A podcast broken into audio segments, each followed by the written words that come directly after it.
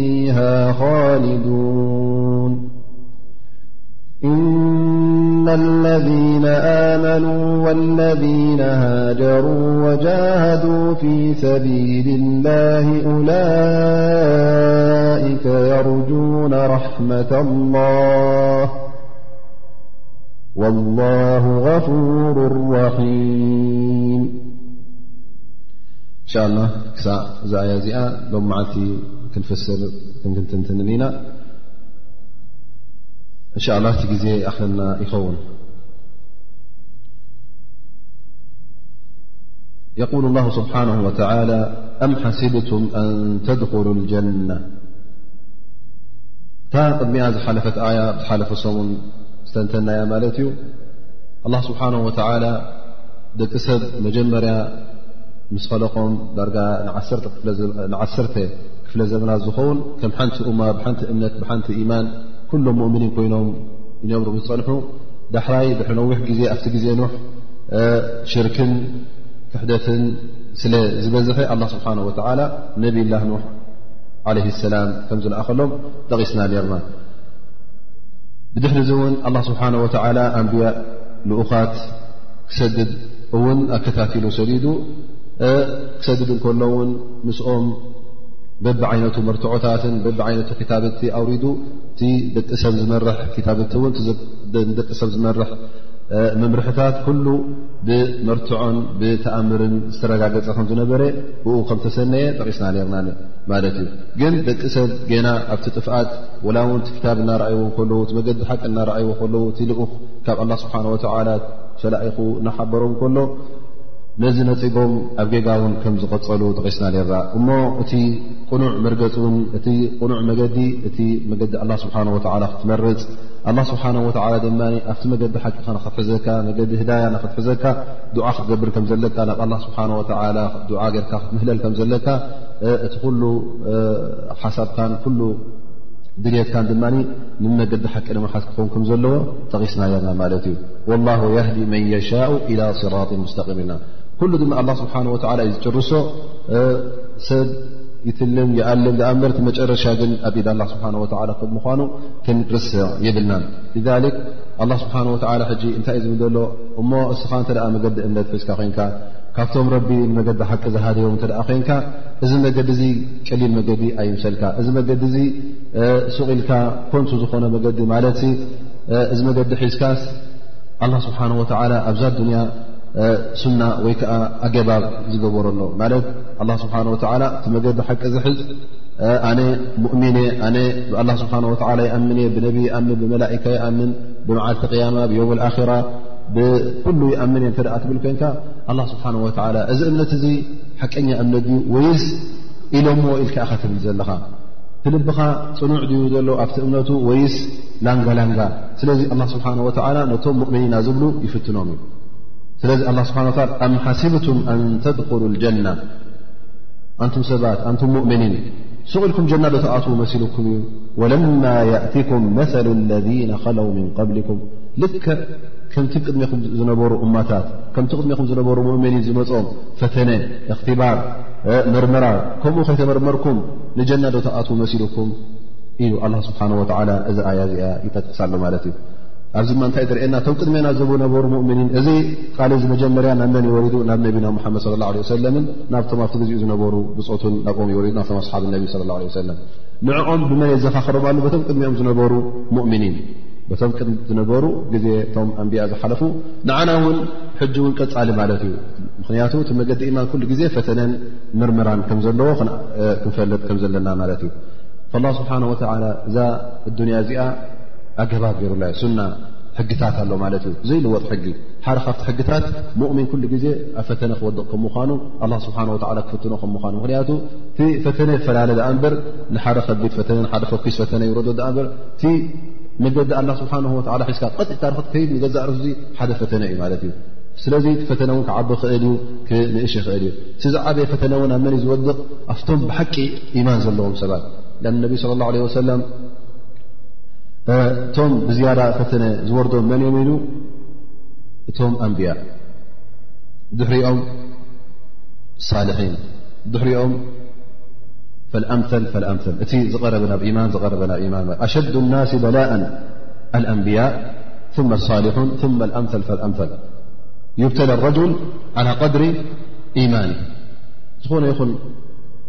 ሙእምን እታ ፈተነ ትመፅ ዓላ ቀድሪ ኢማን እዩ እንተ በዓል ሓያል ኢማን በዓል ብርቱ ኢማን ኮንካ እቲ ናባኻ ዝወርድ ፈተነ ከቢድ ይኸውን ምኽንያቱ ንኣ ንስኻ ቀጢልካ ስለ በቲ ዲንካ ትሕዝ እቲ ኣንፃርካ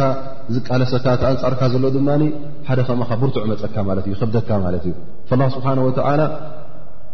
ሱቕኢልካ ንጀና ዝእቶ ኣይምሰልኩም እቲ መገዲ ጀና ቀሊል ኣይኮነን ብፍዮርን ብዕምባባን ዝተፈረሸ ኣይኮነን እንታይ ደኣ ድኻም ኣለዎ እንታይ ደኣ ሽግራት ከጓንፈኩም እዩ ስለዚ እዚ ሽግራት እዚ ንዓኹም ጥራይ ኣይኮነን ዝረክብ ዘሎ ንቕድሜኹም ዝነበሩ ረኪብዎም እዩ ንዓኹም ክረክበኩም እዩ ነቶም ድሕሪኹም ዝመፁ እውን ክረክበኩም እዩ ክረክቦም እዩ ሱነት ላ ወለን ተጅዳ ሱነት ላ ተሕዊላ ወለን ተጅዳ ሱነት ላ ተብዲላ ሱነት ላ ስብሓን ወላ ስለዝኾነ ሱና ናይ ኣላ ስብሓን ወላ ኣገባብ ኣላ ስብሓን ወላ ኣብዛ ዱንያ ዝመረፁ ኣገባብ ስለ ዝኾነ ናይዛ ኣዱንያ ኩሉ ግዜ ንኻ ክጓነፈካ ከም ምኳኑ ኣይትረስዕ ፈየቁል ላ ስብሓን ወተላ መሰትሁም ልባእሳእ ወضራ እዞም ቅድሜኹም ዝነበሩ እንታይ ኣጓኒፎም መሰትሁም ባእሳ ዕለማ ኣብሉ ኣልባእሳ ኣልፈቅር ድኽነት ገንዘብ ስኢኖም ናድዮም ነድዮም ኣብ ድኽነት ይነብሩ ነይሮም ኣላ ስብሓን ወተላ ርዝቅን ሽሻይን ብዙሕ ኣይሃቦምን እሞ ብስቲ ድኽነቶም እንከሎ ብዝቲ ወሪድዎም ዘሎ ድኽነት እቲ መገዲ ሓቂ ሒዞሞ ቐጥ ኢሎም ኸዱ ነይሮም ኣላ ስብሓን ወተላ እውን እንተ ነዚ መገዲ ሒዝካ ቐጥ ኢልካ ካብዚ ፈተነታት ወፅእካ እውን እቲ መጨረሽታኻ ውን እንታይ ከም ምኳኑ ኣብዚ ኣያ እዚኣ ጠቒሱ ኣሎ ከምኡ ውን በራ በራእ ማለት ከዓ ሕማም ማለት እዩ በቢ ዓይነቱ ሕማም ወሪድዎም እዩ መሰትሁም ልባእሳኡ ወበራእ ወዙልዚሉ ጥራይ እዚ ኣይኮነን እዚ ካብ ኣላ ስብሓን ወላ ዝወረድ ሕማም ይኹን ናይ ሕማም ናይ ብብዓይነት ሕማም ናብ ነብስኻ ናይ ሕማም ናይ ነፍሲ ይኹን ናይ ሕማም ናይ ኣካል ይኹን እዚ ብብዓይነት ሕማም ወሪድዎም እዩ ከምኡ እውን ድኽነት ኣብ ርእሲኡ ግን ፀላኢ ድማ ኣንፃሮም ስለ ዝቃለስ ብፍርህን ብሽግር ናይ ኩናትን ብሽግር ካልእ ዓይነትን ክሳዕ ኣበይ በፂሖም ኣላ ስብሓን ወላ ይብል ወዙልዚሉ ዝልዛለን ሸዲዳ ቀጥቀጥ ክሳዕ ዝብሉ ፈጥፈጥ ክሳዕ ዝብሉ እቲ መሬት ክሳዕ ዘንቀጥቀጥ ማለት እዩ እስኻ ብክቱር ፍርሂ ብክቱር ራዕዲ ነፍስኻ ራዕራዕ ኣለካ ማለት እዩ ልክዕ ከምዚ መሬት ኣብ ትሕዲኻ ዘንቀጥቅጥ ዘሎ ኮይኑ ይስምዓካ እዛ መሬት ስከማካ ኮይኑ ይስምዓካ ንኣበይ ከም ትኣቱ ይጠፍኣካ ክሳዕ ኣብዚ በፂሖም እዮም ቶም ቅድሜኹም ዝነበሩ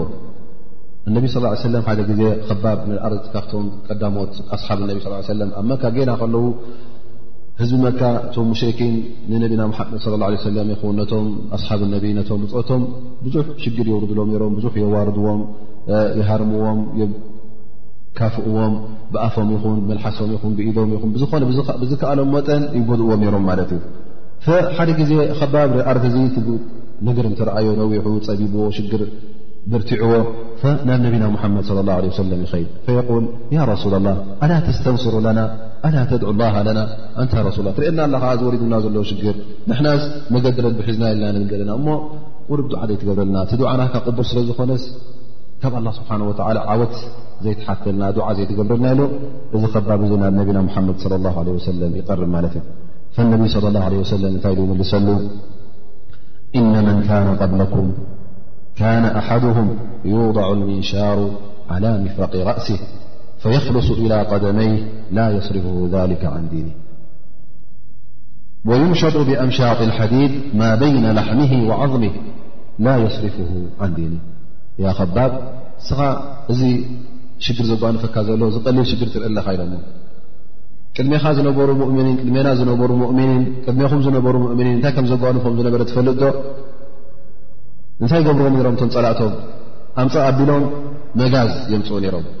እዚ መጋዝ እዚ ኣበይ ገብርዎም ፊ ምፍረቂ ራእሲ ኣብ መንጎ ርእሶም ኣምፅኦም ኣፍታ መንበስብስቶም ይገብሩ ነይሮም እሞ ብጠጠዎም እንከለዉ በዚ ምንሻር ገይሮም ኣብ ክልተ መቕልዎም ነይሮም ብርእሶም ጀሚሮም ክሳዕ ፍርቂ ኣብ መንጎ ክልተ እግሮም ዝተርፉ ማለት እዩ ኣብ ክልተ ይመቕልዎም ነይሮም ላ የስርፍ ሊከ ዓን ዲን እዚ ኩሉ እናተገበሩ ከለዉ እዚ ኩሉ ናርኣዩ ከለዉ ካብታ ዲኖም ፈልከት ትብሉ ይነበሩን ገሊኦም ከ ልካ ከምዚ ምሽጥ ዝኣመሰለ ምሽጥ ኣምፅኦም ብሓፂን ተሰርሐ ኣብ መንጎ ዕፅምቲሞምን ኣብ መንጎ ስግኦምን ከም ዝኣት ነዚ ምሽጥ ገይሮም ብኡ ገይሮም ይምሽጥዎ ነይሮም ማለት ነቲ ዕፅምቶምን ነቲ ስግኦምን ብሓፂን ይፈላልይዎ ነይሮም ማለት እዩ ወዩምሸጡ ብኣምሻቅ ሓዲድ ማ በይነ ላሕሚ ዓظሚ እዚ ይባ ላ የስርፍ ን ዲን ኣው ላ የስርፍ ሊክ ን ዲን ሸ እዚ ኩሉ እናተገብረ ከሎ ግን ካብ ዲኖም ፍልከት ኢሎም ይርሕቁን ይወፁን ኣይነበሩን ኢሎም ነዚ ከባብ ይጠቕሱሉ ምኽንያቱ እቲ ሱና ከምቲ ዝበልና ኣላ ስብሓን ወተዓላ እንተ ደኣ ብሓቂ እቲ ዲኑ ክትሕስ ኮንካ ፍትነካ ስለ ዝኾነ እዚ እውን ፈተነ እዩ ንዓኹም ኣላ ስብሓን ወተዓላ ይፍትነኩም ከም ዘሎ ፅባሕ ንግሆ ካብዚ ዝዓቢ ቃልሲ ስለ ዘሎ ፅባሕ ንግሆ ካብዚ ዝኸፍእ ሽግር ን ስለ ዘጓንፈኩም ሕጂ ኣብ ግዜ ፈተናን ኣብ ግዜ ምርምራን ይኹም ዘለኹም ኢሉ ገና ንኸደዓዕሶ እዚ ኣብ ቀሊል ነገር ኢኻ ዘለኻ ያኸባብ ፅባሕ ንግሆ ካብ ዝኸፍእ እውን ክመፅእ ይኽእል እዩ እቦኒ ሰብሪ ግበር ክሳዕ ኣላ ስብሓን ወላ ሓደ ፈረጃ ወይ ከዓ ሓደ ፍትሒ ክሳዕ ዘምፃልና ማለት እዩ በቶም ቀዳሞት እንታይ የጓንፎም ከም ዝነበረ ነዚ ነገር ጠቂሱሉ ማለት እዩ ثማ እንታይ ይብል ወላ እነቢ ስ ላ ሰለም ይብሉ ወላ ለዩትመና ላه ሃذ ኣምር ሓታ የሲራ ራኪቡ ምን ሰንዓ ኢላ ሓድረሞውት ላ የኻፍ ኢላ ላሃ ወذእብ ዓላ غነሚ ወላኪነኩም ቆውሙ ተስተዕጅሉን ንኸባብ እዚ ሕዝናዮ ዘለና ን እዚ ዲን ረቢ ኣላ ስብሓን ወተላ ክምልኦ እዩ ኣይትፍራህ እዚ ዲን እዚ ክጠፍ ኢልካ ኣይትሕሰብ ኣን ላ ስብሓን ወተላ እቲ ዓወት ነቲ ዲኑ ነቲ መልእኽቱ ስለ ዝገበሮ እዚ ዲን እዚ ክዕወት ከም ምዃኑ ጥርጠራ ክኣትወካ የብሉን እሞ ጥራይ ኣብዚ ዓዲ ይኮነን ሙሉእ እዚ ጀዚር ዓረብ ዓዲ እስላም ኮይኑስ ኣብ መንጎ ካብ ሓድሮሞት ክሳዕ ሰንዓ ብ ካብ ሰንዓ ክሳዕ ሓድሮሞት ማለት እቲ ኣብ መንጎ ዘሎ ሰብ ቀደም ገይሽ ከሎ ፈርህ ነይሩ ማለት ፀላእ ከጓንፎ ሽግር ከየጓንፎ ይፈርህ ነይሩ ማለት እዩ ምክንያቱ ኣማን ስለ ዘይነበረ ስርቅን መቕተልትን ሽፍትነትን ስለ ዝነበረ ኣብዚ ዓዲ ዓረብ ኣነቢ ስለ ላ ለ ወሰለም ኩሉ ሰብ ኣኣመስሊሙስ ካብቲ ሽፍትነትን ካብቲ ስርቅን ካብዚ ኩሉ ኣማን ክኾንኩም ምኳኑ ይጠቕሰሉ ኣሎ ማለት እዩ የሲርስ ኣራክብ ምን ሰንዓ ኢላ ሓረሞት ላ የኻፉ ኢላ ላ ወዚእብ ዓላ ነሚ ማለት እቲ ክፈር እተ ኮይኑ ካብ ኣላ ስብሓን ወላ እዩ ዝፈርም ወይ ከዓ እንተ ጥሪት ኣለዎ ኮይነን ጠለበጊ ኣለዎ ኮይነን ጥራይ ዝብኢ መፅኡ ከይበልዓሉ ጥራይ ዝፈር ኣ እምበር ካልእ ሽግር ከጓንፎ ሰራቂ ክመፅ ኣማን ዘይብሉ ዓዲ ኮይኑ ሽፍትነት ከጓንፎ ዘረፍቲ ቀተልቲ ከጓንፎ እዚ ኩሉ ከምዘየለ ኣማን ክኸውን ከም ምኳኑ ዓዲ ስላም ኮይኑ ብሰላም ክነብር ከም ምዃኑ ነቢና ሙሓመድ ለ ላ ለ ወሰለም ይጠቕሱ ግን ወላኪን ነኩም ቆውሙን ተስተዕጅሉን ግን ወዲ ሰብ ኩሉ ግዜ ህዉኽ እዩ ዓወት ቁልጡፍ ዓወት እዩ ዝደሊ ፍረ ክበልዕ እተ ኮይኑ ቁልጡፍ ፍረ ፍርያ ተ ክደል ውፅኢት እተ ደል ቁልጡፍ ውፅኢት ስለ ዝደሊ እዚ ድማ ታህዋኪ ዳኣ እምበር ታህዋኪ እውን ጠቓሚ ኣይኮነን ስለዚ ዝኾነ ይኹን ኣስላማይ እንተ ሽግር ኣጓኒፍዎ ኣብቲ ሒዝዎ ዘሎ ዲን እተ ሽግራት ዘጓንፎ ሎ ኮይኑ ፅባሕ ንግሆ ክዕወት ምኳኑ እዚ ሽግር እዚ ሱነት ላ ስብሓን ወላ ከም ምኳኑ ተረዲኡ ኣብቲ ዲኑ ቀጥ ክብል ኣለዎ እዚ ጥራይ እውን ኣይኮነን ኣላ ስብሓን ወላ ኣብዚ ኣያ ጥራይ ኣይኮነን ጠቒሱ ኣብ ብዙሕ ኣያታት እንተ ርእና ኣብ መጀመርያ ሱረት ዓንከቡት ኣብተን ቀዳሞት ሰለስተ ኣያ ኣላ ስብሓን ወላ እንታይ ይብል የቁል ላ ስብሓን ወላ ኣልፍላም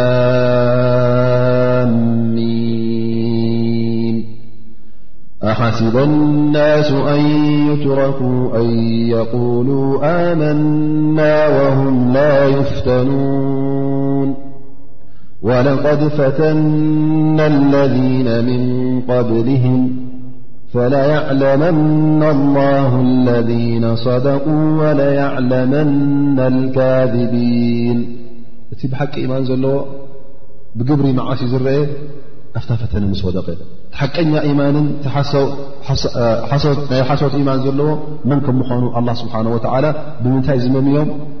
እዛ ፈተነ እዚኣ ፈተነ ኣብዛ እክትባር ምስ መፀት እቲ በዓል ኢማን ኣየናይ ዓቢ ፅባሕ ንግሆ ፅበየኒ ዘሎ ኣብ ቅድሚ ኣብ ዮም ኣልቅያማ ዶ ይዓቢ እዚ ናይ ዱንያ ራህዋ ንዕኡ ኣብ መዛዚኑ እቲ ልቡ ብኢማን ስለ ዝመልአ ብኢማን ስለ ዝዓመረ እንታይ ብል ናይ ፅባሕ መሪፁ ኣብቲ ኢማኑ ቀጥ ይብል እቲ ላንጋላንጋ ዝነበረ እቲ ሙናፍቕ ዝነበረ እቲ ኢማኑ ቀፂሉ ኣብ ልቡ ዘይበፀሐ ወይ ከዓ ኣብ ልቡ ትህ ዘይተሰቕሮ እዚ ኢማን እዚ ናይ ብሓቂ ኢማን ስለ ዘይብሉ ንእሽተይ ፈተና ክተጓንፎ ከላ እንታይ ገዲሹኒ ኣብዚ ኩሉ ሽግር ዝኣ እንታይ ገዲሹኒ ኣብዚ ዓቕመይ ዝኣት ኢሉ ንድሕሪት ከንሳሕብ ወይ ከዓ ንድሕሪት ክምልስ ይጅምር እዚ ጉዳይ እዚ ኣብ ግዜ ነቢና ሙሓመድ ለ ላ ሰለም ተዘኪሩ እዚ ኣብዚ ኣያ እዚኣ እንተ ርእና እቲ ናይ ቀደም ዝነበረ እዩ ኣላ ስብሓን ወተዓላ ኣዘኻኺርዎም ኣብ ግዜ ነቢና ሙሓመድ ለ ላ ለ ወሰለም ተርእና ኣብ ዝወት ኣሕዛብ ትበሃል ኣሕዛብ ማለት እቶም ኩሎም ዓረብ ይኹኑ ኣይሁዳውያን ይኹኑ ሙሽርኪን ይኹኑ ንነቢና ለ ላ ለ ወሰለም ንብፆት ንምጥፋእ ኩሎም ተኣኻኺቦም ናበይ ይመፁ ማለት እዩ ንመዲና ማለት እዩ እዚ ኣብ መበል ራብዓ ዓመት ካብ ሂጅራ ነቢና ሓመድ ስ ሰለም ኣርባዕተ ዓመት ዳርጋ ምስ ገብሩ ኣብ መዲና እቲ ሓይሎም እናደንፍዐን እናበርትዐን ክኸይድ ምስ ረኣይዎ ሕጂ እንታይ ክገብሩ ጀሚሮም እቶም ኣይሁዳውያን ኣብኡ ዝነበሩ ኣንጻር ነቢና ሙሓመድ ለ ላሁ ለ ወሰለም ንምትላል ንመካ መፂኦም ምስቶም ኣብ መካ ዝነበሩ ሙሽርኪን ምስኦም ይሰማምዑ ማለት እዩ ን ንሕና ሓቢርና ብ ሓንሳእ ኮይና ነጥፋኣዮ ንሙሓመድን ነቶም ብፆቱን ይበሃሉ ማለት እዩ ሕራ ይብልዎ ኣብ ካልእ ቀቢላታት ከይዶም ኣብ ብዙሕ ቀቢላታት ንኹሎም ይኣሃኽብዎም ማለት እዩ ዳርጋ ዓሰርተ ሽሕ ዝኾኑ ኣብ ከዓ ዝኸውን ሰራዊት ንመዲና ይገስግስ ማለት እዩ ንመዲና መፂኦም ሕጂ ይኸብዋ እቶም ኣብ ውሽጢ መዲና ኣብ ጥቓ መዲና ዝነበሩ ወይ ከዓ ኣብቲ ወሰናስን መዲና ዝነበሩ ኣይሁዳውያን ንገዛ ርእሶም ምስ ነቢና ሙሓመድ ለ ላ ለ ሰለም ስምምዕ ነይርዎም ውዕል ነይርዎም ኣንፃር ነቢና ሓመድ ስ ሰለም ከይዋብኡን ኣንፃር ነቢና ሓመድ ስ ሰለም ምስ ካልኦት ይኹኑ ሓቢሮም ምስ ዝኾነ ወይ ከዓ ንበይኖም ኣንፃር ነቢና ሓመድ ስ ሰለም ውግእ ንኸይከሱ ወይ ከዓ ንኸይከፍቱ ውዕል ኣትዮም ዝነበሩ እዞም ሰባት እዚኦም ንገዛ ርእሶም እቶም ካልኦት ኣይሁዳውያን መፅኦም ንዑ በንቑሬዛ እዮም ዝበሃሉ ነይሮም እሶም እውን እቲ ምስ ነቢና ሙሓመድ ለ ላ ለ ሰለም ዝነበረ ውዕል ንዕኡ ጥሒሶም ንኡ ጠሊሞም ምስቶም ኣሕዛብ ተሓባቢሮም ማለት እዩ ኩሎም ሕጂ ተሓባቢሮም ብላዕልን ብታሕትን ነዛ መዲና የኽብብዋ ማለት እዩ ወርሒ ዝኣክል መዲና ተኸበብ ማለት እዩ ኣብዚ ግዜ እዚ ነቢና ሙሓመድ ስ ሰለም በቲ ፀላእ ክኣትውናይ ዝበልዎ ቦታታት ጎቦ ዘይብሉ ቦታታት ተክፉት ዝኾነ ቦታ ጉድጓድ ይክዕትሉ ማለት እዩ ወይ ከዓ ዝወት ልከንጠቕ ትበሃል ዝወት ኣሕዛብ ኣሕዛብ ማለት እቶም መፅኦም ዘለዉ ኣሕዛብ ማለት እዮም በቢ ዓይነቶም ዓረብ ሙሽርኪን ኣይሁዳውያን ኩሎም ተኣኻኺቦም ዝመፁ እዮም ወይ ከዓ ከንደቕ ተባሂላ ተፀዊዓ ምኽንያቱ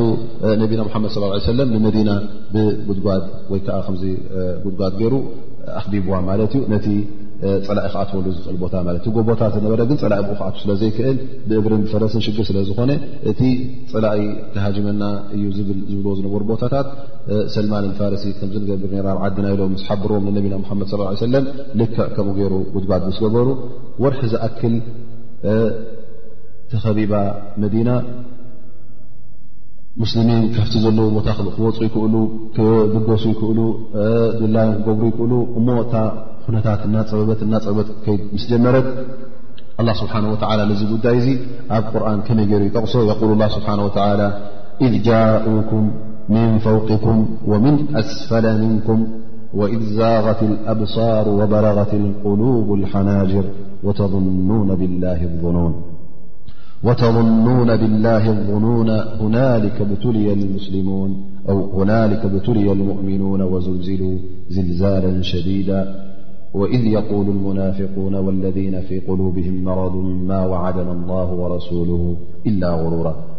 እዚ ሕጂ ኣበይ ተረኽበ ማለት እዩ ኣብ غዝወት ኣሕዛብ ኣብዚ ኩናት እዚ ብላዕልን ብታሕትን መፅኦምኹም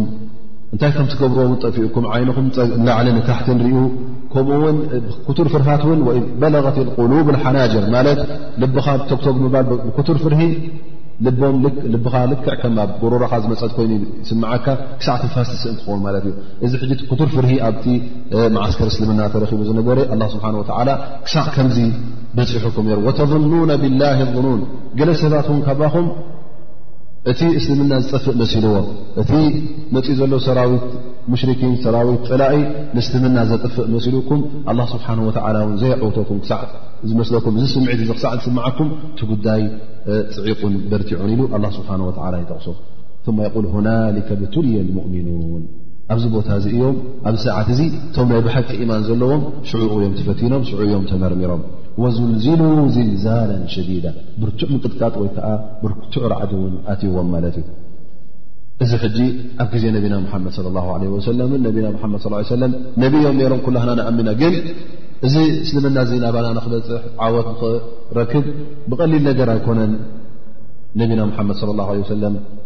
ዘርጊሖሞ እንታይ ደኣ ብዙሕ ሽግር የጓንፎ ነሮም ተእሶምን ቶም ብፆቶምን ሞት ይኹን ጥሜት ይኹን ዕርቃን ይኹን ሽግር ፀሓይ ቁሪ እዚ ኩሉ የጓንፎም ከም ዝነበረ ንክንፈልጥ ማለት እዩ ሊክ ኣላ ስብሓን ወተላ ኣብዚ ክበፅሑ ስለ ዝኾኑ እዚ ጉዳይ እዚ ወይ ከዓ እዚ ከምዝኣመሰ ነገራት ከጓንፎም ስለ ዝኾነ ኣላ ስብሓን ወተላ ገና ካብ መካ ከይወፁ ከሎ ንመዲና ከይከዱ ከለዉ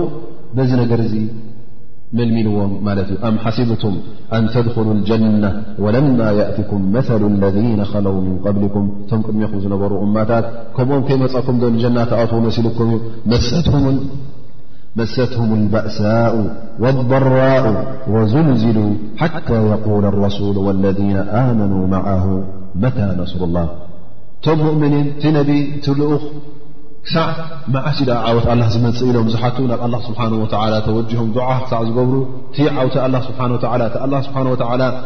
ዝኣተወሎም ዓህድን ዋዕድን እቲ ኣላ ስብሓን ወተዓላ ዝሃቦም ውዕል ክትዕወቱ ኢኹም ዝበሎም እሞ ደኣ እዚ ዓወት እዚ ደኣ መዓስ ኢሎም ስለ ዝደንጎዮም መዓስ እዩ ዝዓወት ዝመፀና ኢሎም ክሳዕ ዝሓቱን ክሳዕ ናብ ኣላ ስብሓን ወተዓላ ዝጠርዑን ዱዓ ዝገብሩን ክሳዕ ከምዚ እዩ ነይሩ እቲ ጉዳይ ኣላ ስብሓን ወተዓላ እቲ ሽግር ኣበይ ጥርዙ ኣበይ ብጣዕሚ ልዑል ከም ምዃኑ ወይ ከዓ እቲ ጥርዙ ክሳዕ ዝገንፍል እቲ ድኻምን እቲ ፍርሃትን ክሳዕ ላዕሊ ዝበፅሕ ከጓንፎም ከም ምዃኑ ኣላ ስብሓን ወተዓላ ገና ትሽግር ከይጓንፎም ከሎ በዚ ኣያታት እዚ መልሚልዎም ማለት እዩ ትማ ይቁል ላ ስብሓን ወተዓላ መታ ነስሩ ላ ኢሎም መዓስ ዓወት ኣላ ዝመፅእ ኢሎም ንገዛእ ርእሰቶም ኣንብያ እቶም ሙእምኒን ዝተባህሉ እሶም እውን ተዓወት ደንጉና ኢሎም ናብ ኣላ ስብሓን ወተዓላ ክሳዕ ዝፀርዑ ዝኾኑ ግን ብድሕሪኡ ተዓወት ይመፅእ ማለት እዩ ስለዚ ዓወት ክመፅእ እተ ኮይኑ ምስ ተፈተንካ እቲ ፈተነ ውን ብቀሊል ፈተነ ክሓልፍ ኣይኮነን እንታይ ብርቱዕ ፈተነ መፅእካ ኣብዚ ፈተና እዚ እተ ቀጢልካ ኣብቲ ዲንካ እተ ቀጢልካ ኣብቲ ዲንካ እተ ሒዝካ ፈልከት እተ ዘይበልካ ዓወት ሽዑ ቀረባ ኣትውካ ማለት እዩ ከማ ቃል ላ ስብሓን ወተላ ኣላ እና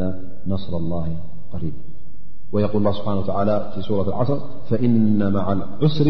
ዩስራ ኢነ ማዓ ልዑስሪ ዩስራ እቲ ነገር ክብርትዕ እንከሎ እቲ ነገር ክፅዕቕ እንከሎ ብድሕሪ ዓወት ከም ዝመፅእ ትረጋገፅ ኣለካ ስለዚ ዓወት ክርከብ እንተ ኮይኑ መጀመርያ ፈተነ ኣሎ ፈተነ ድማ ኣብኡ ክትሓልፍ ኣለካ ኣብዚ ፈተነ እዚ እተ ሓሊፍካ ኣላ ስብሓን ወላ ክዕውተካ እዩ ግን ኣብዚ ፈተነ እዚ ኣስሓቂሒጥካ እተ ድሕሪ ተመሊስካ ግን ዓወት ክርከብ ከምዘይኮነ ፍለጥ ኢኻ እቲ ዓወት ክርሕቕ እዩ ቀረባ ውን ኣይኮነን ግን ኣብቲ ፈተነ ቀጥ ዝበለ ኣብዚ ፈተነ ዚ ዝሰበተ ኣላ ስብሓን ወተላ ዓወት የስምረሉ ማለት እዩ ثማ የقል ላ ስብሓን ወላ ብድሕሪ ዚ ድማ ኣላ ስብሓን ወላ እንታይ ይብል የስኣሉነከ ማذ ዩንፍቁን እቶም ምሳኻ ዘለዉ ብፆትካ እቶም ሙእምኒን ያ ሙሓመድ ብዛዕባ ነፈቃ ማለት ሊላህ ኢልካ ዝወፀ ገንዘብሲ ንመን ከም ምኳኑ ከመይ ከም ምኳኑ እንታይ ኢና ነወፅእኢልና ኢሎም ይሓቱ ከ እዮም ኩሉ ግዜ ከምቲ ዝብልናዮ ውን ኣብዚ ኣያታት እዚ እንተዳርኢና ብዙሕ ሕቶታት ኣሎ ማለት እዩ የስኣሉነ ቅድሚ ሕጂ ዓን ኣሂላ ሓሊፍና ድሕሪኡ የስኣሉነ ሕጂ ውን ማዛ ዮንፊቁን ገና ውን ክመፀና እዩ የስኣሉነ ዓን ሻሃር ሓራም የስኣሉነ ዓን ልየታማ ብዙሕ ሕቶታት ኣሎ ማለት እዩ እዚ ድማ እንታይ እዩ ብዝያዳ እቶም ኣስሓብ ነቢ ስለ ላ ለ ወሰለም እቲ ጉዳይ ናይ ን የገድሶም ስለ ዝኾነ እቲ ቅድሚ ሕጂ ዝነበርዎ ጌጋታት እቲ ቅድሚ ሕጂ ዝነበርዎ ጃሂልያ ይፈልጥዎ ስስለ ዝኾኑ እቲ ዝኾነ ይኹን ተግባር እውን ካብ ዲን ተበገሰ መጀመርያ ንሓደ ጉዳይ ገብሩ እተ ኮይኖም እቲ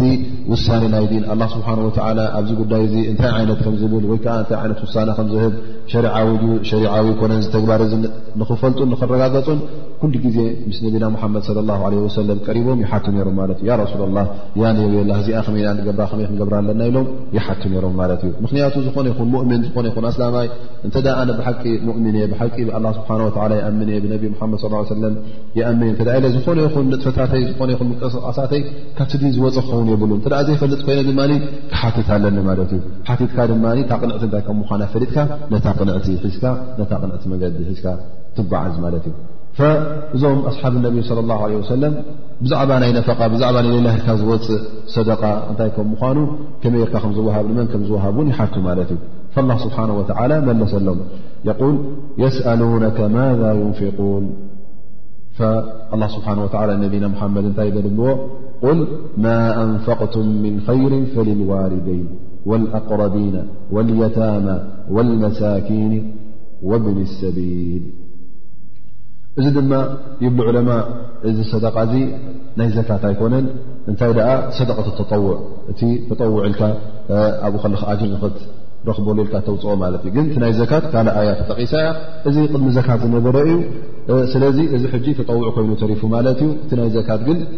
ውሱናት ሰባት ቶም ሸሞንተ ዓይነታት ንዕኦም ክወሃብከም ዘለዎ እቲ ናይ ዘካት ቦትኡ ፍሉጥ እዩ ማለት እዩ ግን እዚ ንመን እዩ ነቲ ሰደቃ ተጠውዕ ንላ ልካ ትገብሮ ግን ከም ዘካት ዘይኮነ ካብቲ ዘካት ወፃኢ ዝኾነ ንኣጅሪ ንክትረክቦ ልልካ ተውፅዑ ማለት እዩ እንተ ላ ስብሓን ወላ ገንዘብ ሂቡካ እኹል ገንዘብ ኣለካ ኮይኑ ነዚኦም ብዝያዳ ክትናብን ነዚኦም ብዝያዳ ከተዕንግልን ኣለካ ቀዳማይ ነገር እቶም ዝቀረቡ ናባኻ መን እዮም ቁል ማ ኣንፈቅቱም ምን ኸይርን ዝኾነ ይኹን ር ር ዝበሃል ድማ ብዝያዳ ማል ገንዘብ ማለት እዩ እዚ ገንዘብ እዚ እዚ ር እዚ ዝሰናይ እዚ ንመን ኢኻ ትህቦ ፈሊል ዋሊደይን እቶም ዝቀረቡ ናብኻ ዘሎ ንእቦኻን ነዴኻን ሃበሉ ምኽንያቱ እሶም ብዝያዳ ክተኽብሮም ብዝያዳ ክትናብዮም እቲ ንዕኦም ትገብሮ ድማ ቀዳማይ ነገር እተ ገንዘብ ንዕኦም ይካዮም ክልተ ኣጅሪ እዩ ንካልእ ትቦን ንኦም ትቦን በበይኑ ዩ ንካልእ ሰብቃ ክኸውን ከሎ እተ ንኦም ይካዮም ብዝያዳ ቢር ጌርካሎም ማለት እዩ ብዝያዳ ንኣላ ስብሓን ወተላ ተማእዚዝካ ማለት እዩ ምክንያቱ ቀዳሞት ኣብዛ ዱንያ ብዓይኒ ክብረትን ብዓይኒ ምእዘዛን ክትሪኦም ዘለካ መን እዮም ኣቦኻን ኣዴኻን ወለድኻ ስለ ዝኾኑ መጀመርያ እተ ኣላ ስብሓን ወተላ ሃብቲ ሂቡካ ገንዘብ ሂቡካ መጀመርያ ንዖም ክተፅግበሉ ኣለካ ማለት እዩ እንተ ንዖም ሂብካ ዮ ንዖም ኣፅግካሉ ድማ ካብኡ ድማ ናብ መን ትሓልፍ እቶም ኣቅረቢን ዝበሃሉ እቶም ኣዝማትካ እቶም ቀረባ ስድራ ቤትካ ማለት እዩ ንዕኦም ድማ ትህብ ካብ ልጓና ትህብ ቀዳምነት ንዕኦም ትህብ ማለት እዩ ምን ኸይር ፈልዋሊደይን ወኣቅረቢን እቶም ቀረባኻ ዝኾኑ ከማ ጃ ፊ ሓዲ ኣብካ ገ ሓዲስ እውን ዝመፀ ኣሎ እሙካ ወኣባካ ወእኽተካ ወኣኻክ ثማ ኣድናካ ኣድናት ማለት ከምዚ ገርካ እውን ትርትቦ ማለት እዩ መጀመርያ ኣዴኻ ኣበር ናስ ቤት እመት እታ ቀዳመይቲ ቅድሚ ቦኻውን ስለስተ ሸዕ ኣነቢ ለ ለ ሰለም መን እዮምቲ ብዝያዳ ኣቕሪበ ክምእዘዞን ከቕርቦን ዘለኒ ኢሉ ምስተሓተቱ ነቢና ሙሓመድ صለ ላه ለ ሰለም እሙካ ማ እሙካ ማ እሙካ መጀመርያ ኣደያ ምኽንያቱ እሳ ብዝያዳ ካባኻ ትደሊ ስለ ዝኾነት ኣቦኻ ምናልባሽ ሰብኣይ ኮይኑ ክእለት ክህልዎ ይኽእል እዩ ብዙሕ ነገራት ባዕሉ እውን ክገብሮ ክእል ግን ኣዴኻ ጓልሴት ስለ ዝኾነት እሳ ውን ብዙሕ ስለ ዝደኸመትልካ ቀዳምነት ንዓ ክትህብ ከለኻ እዚ ዝበለፀ ኸውን ማለት እዩ ግን ክልተኦም ወለድኻ ውን ብሓደ ዓይነኻ ክትሪኦም ዘለካ ማለት እዩ ስለዚ ነቦኻ ነዴኻ ነቦኻ ንሓፍትኻ ንሓዉኻ ትገብር ማለት እዩ ካብኡ ድማ ኣድና ካፍ ኣድና ዝረበን ዝቀረበን እናረኣኻ ንዕኦም ሰናይ ትገብር ንኦም እተ ኣለካ ኮይኑ ገለ ኣላ ስብሓ ወላ ዝሃበካ ሽሻይ ንዕኦም ትቦም ማለት እዩ ማ ወልየታማ የታማ ማለት ከዓ ዘኽታማት ማለት እዩ ኣቦ ዘይብሎም ህፃናት ኣቦ ዘይብሎም ቆልዑ ክትረክብ ከለኻ ንኦም ድማ እቲ ዝገብረሎምን እቲ ዝሰርሓሎምን እቲ ዝዕንግሎምን ዝነበረ ስለ ዝሞቶም ሓገዝ ስለ ዝደልዩ ዞም ሰባት እዚኦም ትሕግዞም ከለኻ ድማ ብዙሕ ኣጅሪ ትረኽበሉ ወልመሳኪን እቶም ክእለት ዘይብሎም እቶም ድኻታት እሶም ድማ ክትርስዖም የብልካ እሶም እውን ይወሃቡ እዮም ወብኒ ሰቢል ድማ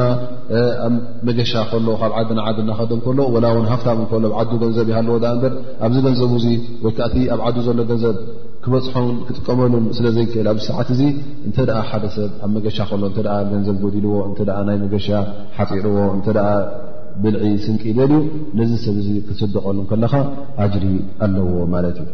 ላ ስብሓን ወተላ ነዚኦም ይጠቅስ ማለት እዩ እዚኦም እዮም ድማ ላ ስብሓን ወላ ብዝያዳ ተገዲስካ ገንዘብካ ናብኦም ክተውፅኦ ከም ዘለካ ኣላ ስብሓን ወተላ ይሕብረካ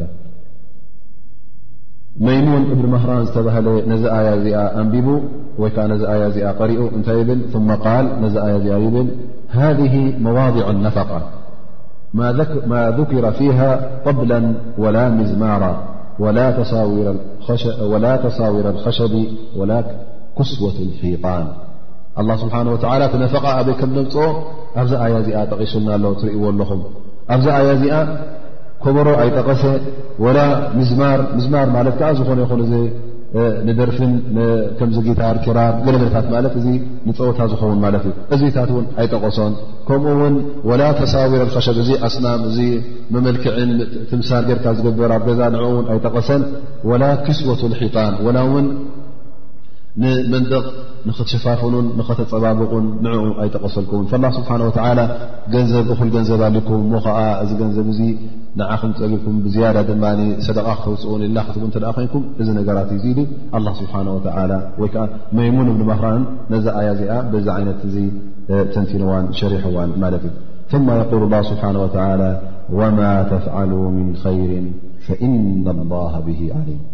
ዝኾነ ይኹን ሰናይ ዘብ ክትገብሩ እተ ኮይንኩም ትገብሩ እተ ኣለኹም ኮይንኩም ኣላ ስብሓን ወተላ ኣይሕብኦን እዩ ዝኾነ ይኹን ተውፅዎ ካብ ጅባኹም ዝኾነ ይኹን ትገብርዎ ተግባር ዝኾነ ይኹን ትብልዎ ቃል ኣላ ስብሓን ወተዓላ ይፈልጦ እዩ ፈሊጡ ድማ እንታይ ዩ ክገብሮ ኣብ ዮም ኣልቅያማ ነዚ ተግባር እዚ ኣጅሩን መኽሰቡን ፃምኡን ክበኩም እዩ ምኽንያቱ ኣላ ስብሓን ወተዓላ ትንኣሽ ትዕብ እታ ዝገበርካያ ፈፂሙ ኣይኽግደልካን እዩ እንታይ ደኣ ብዝያዳ ደሪቡን ደራሪቡን ክበካ እንተዘይኮነ ዕፅፍን ዓሰርተ ዕፅፍን ዕስራ ዕፅፍን ወላ እውን ክሳዕ ሚት ዕፅፊ ሸዓተ ሚት ዕፅፊ እተ ክገብሩ ተኣ ዘይኮነ ኣጉዲሉ ኣይህበኩምን እዩ ኣይውፅዓኩምን እዩ ላ ስብሓን ወተላ ወማ ተፍዓሉ ምን ኸይርን ይንኣሽዕበ ስለዚ ኣላ ስብሓን ወተላ ከጉድለለ እዩ ዝብል ሓሳብ ኣይሃልኻ ተውፅኦ ዘለካ እውን ባዕልኻ ከምዝገረ ከምዝገረልካ ኣይትቁፀሮ ምክንያቱ ኣላ ስብሓን ወተላ ይቆፅረልካ ኣሎ ፅባሕ ንግሆ እሱ ብዝያዳ ካባካ ይፈልጥ ካብኡ ዝሕብኦ የለን እስኻ ምናልባሽ ትርስዕ ውን ትኾን ፅባሕ ንግሆ ኣላ ስብሓን ወተዓላ ባዕሉ ከዘክረካ እዩ ትሰናይ ዝገበርካዮ ኣይሕብኦን እዩ ይፈልጦ እዩ እሞ ስለዚ ኣነ ከምዚ ገይረ እ ከምዚ ገይረ ከምዚ ገርካ ትሰናይ ዝገበርካዮስ ኣይትፀብፅብ ኣላ ስብሓን ወተዓላ ፅባሕ ንግሆ ፀፃብካ ኣየድልዮን እዩ ባዕሉ ፀብፂቡ ፍፁም ዘይሕብኦ ስለ ዝኾነ ንዓኻ ውን እቲ ዝግብኣካ ክበካ እዩ ብዝያዳ ውን ዓፅፍን ዓፃፂፉን ደሪቡን ደራሪቡን ክወስኸካ እዩ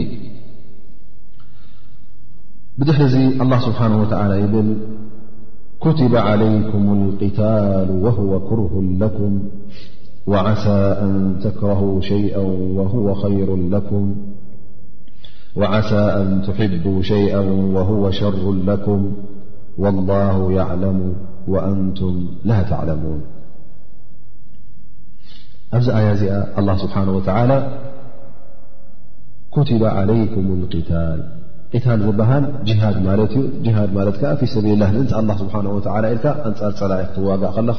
ጅሃድ ይበሃል ላ ስብሓን ወላ ኩቲባ ዓለይኩም እዚ ጅሃድ እዚ ፈርድኹም ዋጅብኩም እዩ ፈርዲ ገይርዎ እዩ ኣላ ስብሓን ወተላ ምኽንያቱ ቅድሚ ሕጂ ኣብ መካ እንከለኹም ገና ትዲን ኣብ መጀመሪኡ እንከሎ ኣላ ስብሓን ወተላ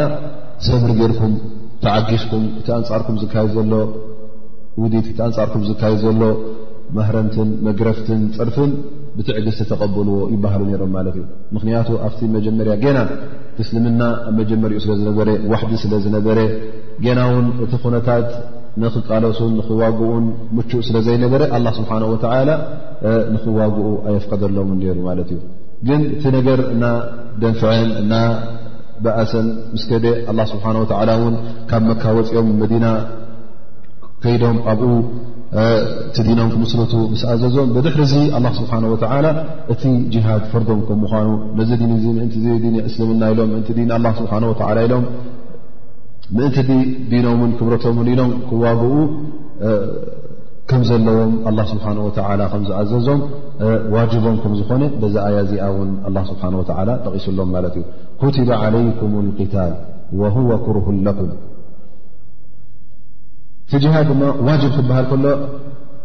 ዑለማ ብዛዕባ እዚ ኣብ ክልተ መቒሎሞ ማለት እዩ ቀዳማይ ነገር እቲ ጅሃድ ብሓፈሽኡ ክንጠቕሶ እተ ኮይና ፈርዱ ዓለ ልክፋያ እዩ ይበሃል ፈርድ ዓለ ልክፋያ ማለት ከዓ ፈርዲ ክኸውን ከሎ ዓለ ልክፋያ እንተ እኹላት ኣለዉ ነዚ ጅሃድ እዚ ዘቑሙ ዝጃህዱ እንተ እኹላት ኮይኖም ብድሕሪ ዚ ቲካልእ ሰብቲ ዘይጃሃደ ምንም ሽግር የብሉ ምክንያቱ ኩሉ ሰብ ንዓ ንጅሃድ ውፃእ ንቃልሲ ውፃእ ንኲናት ውፃእ ክትብሎም ከላኻ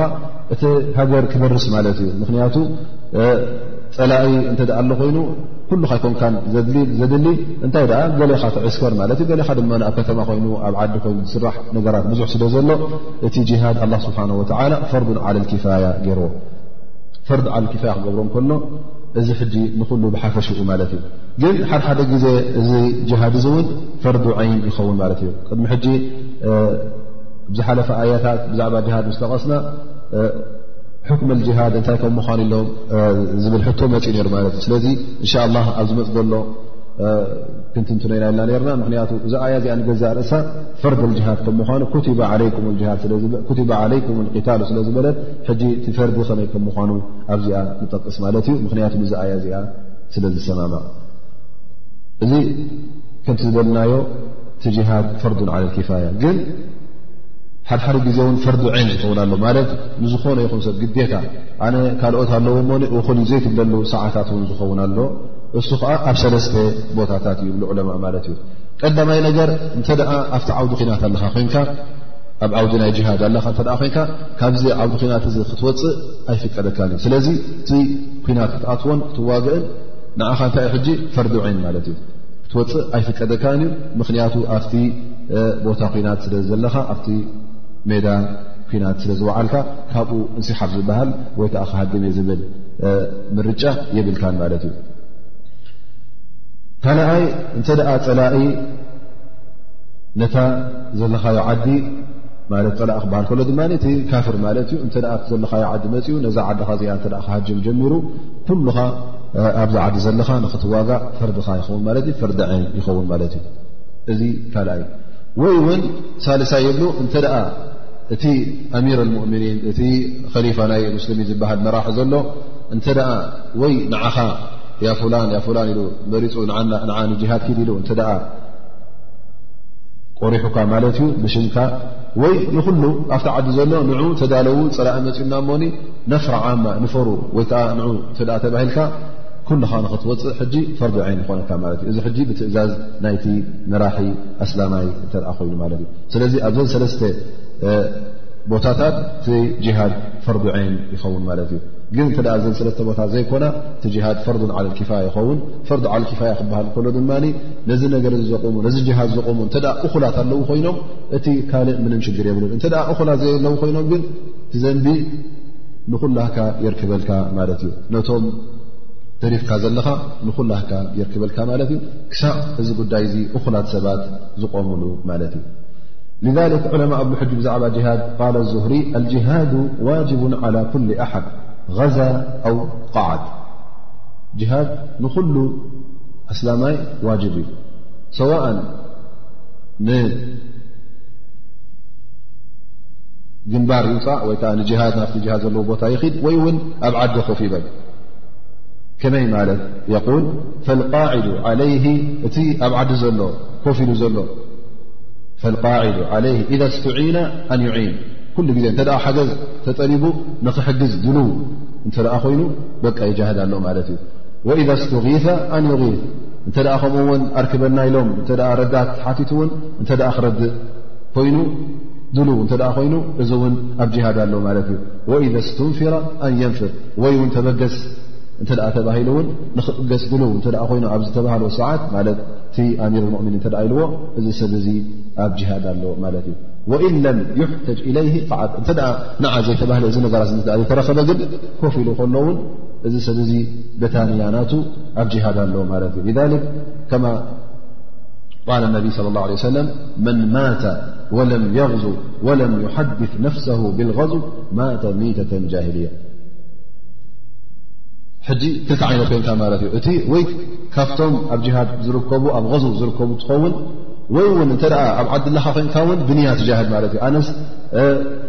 እንተ ጥዒሙኒ እተ ክኢለ እተ ተፀዊዐ እተ ቢለ ክጃህድ እየ ዝብል እምነት ነቲ ቃል ኣላ ስብሓን ወላ እውን ኣይዕብሮን የልካ እተ እዚ ኢማን ኣለካ ኮይኑ እውን እዚ ትጃህድ ኣለኻ ማለት እዩ እተ እዚ ክልቲኡ ዘይብልካ ኮይንካ ላ ምስቶም ዝጃሃ ዘይትርከብ ወላ እውን ምስቶም ንያ ዘለዎም ዘይትርከብ እተ ኮይንካ ማተ ሚተተን ጃሂልያ እዚ ልክዕ ማለት ኣብቲ ኢማኑ ጉደት ኣለዎ ማለት እዩ ቃል ለ ሰላት ወሰላም ኣብ ዮም ፈትሕ ዮም መካ ምስ መፀ ንመካ ምስ ሓዝዋ ነቢና ሙሓመድ ለ ላ ሰለም እንታይ ኢሎም ላ ሂጅራታ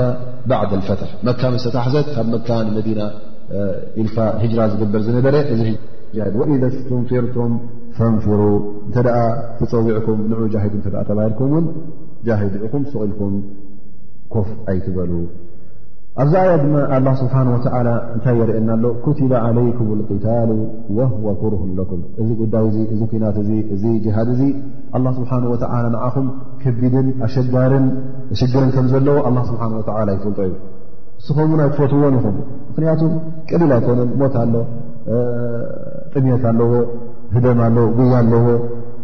መውጋእቲ ኣለዎ ቀሊል ኣይኮነን ላ ስብሓን ወተላ እ ነብሲ ናይ ወዲ ሰብ ይፈልጣ እዩ ኩትባ ዓለይኩም ልቅታሉ ወህወ ኩርሁን ለኩም ከቢድ እዩ ግን ኣላ ስብሓን ወላ እንታይ ይብል ወዓሳ ኣን ተክረሁ ሸይአ ወህወ ኸይሩ ለኩም ግን ተጠንቀቑ ብዙሕ ነገራት ኣሎ እና